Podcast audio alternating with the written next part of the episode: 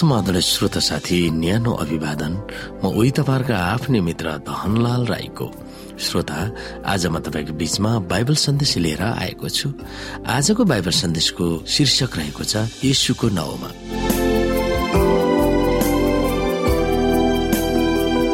श्रोता आजको अध्ययन योहन्ना चौध अध्यायको चौधबाट। यहाँ भनिएको छ मेरो नाउँमा तिमीहरूले जे मागे तापनि म तिमीहरूलाई गरिदिनेछु। श्रोता समय आइरहेको थियो। यसो आफ्नै चेलाहरूसँग छुट्टिन लाग्नु भएको थियो।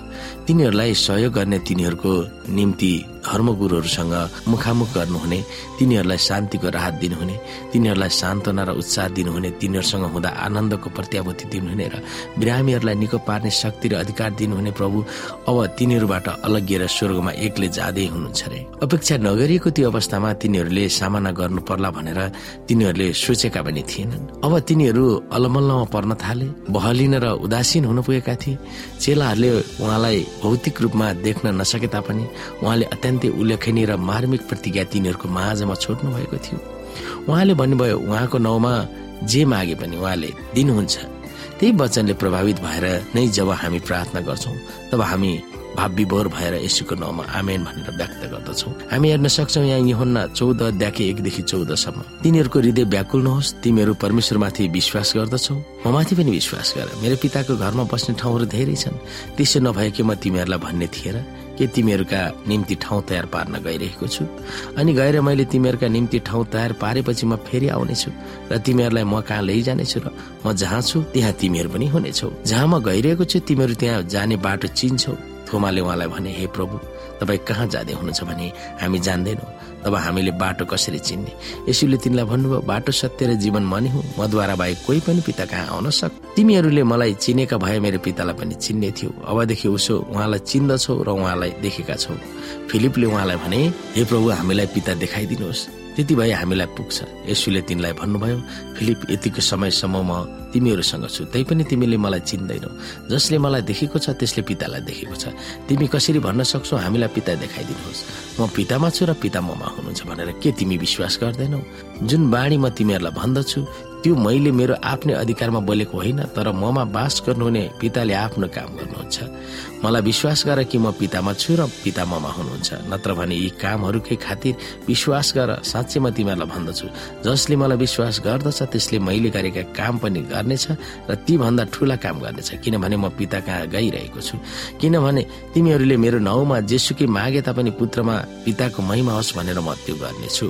तिमीहरूले मेरो नाउँमा कुनै थोक माग्यो भने म गरिदिनेछु। श्रोता जब हामी ती पदहरू पढ्छौ तब साधारणतया के सोच्दछौ? त्यस खालको प्रार्थना वा उहाँको नाउँमा माग्ने चलन उहाँले किन हाम्रो माझमा भित्र्याउनु भयो? उहाँले हामीलाई के भन्न खोजिरहनु भएको छ? त्यसको आवाज ती पदहरूमा के दिइरहेको छ?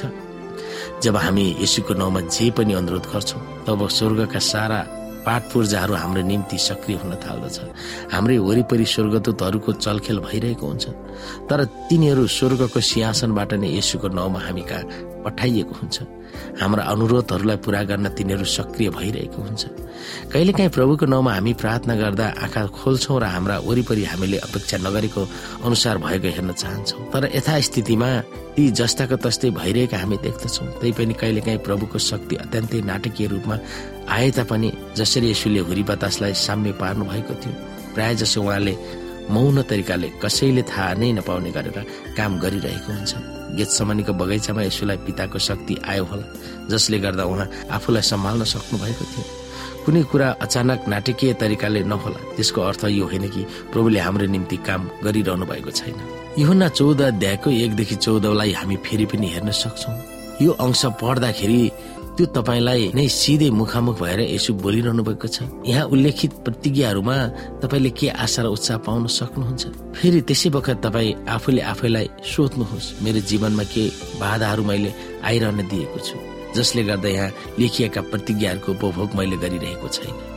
मेरो हृदय दिमाग र मौलिकतामा के परिवर्तन ल्याउन दिनुपर्छ ताकि ती प्रतिज्ञाहरूको उपभोग गर्न सकौँ? ती विषयमा हामी सोच्न सक्दछौँ। श्रोता साथी आजको लागि बाइबल सन्देश यति नै। हस्त नमस्ते। जय मसिंह।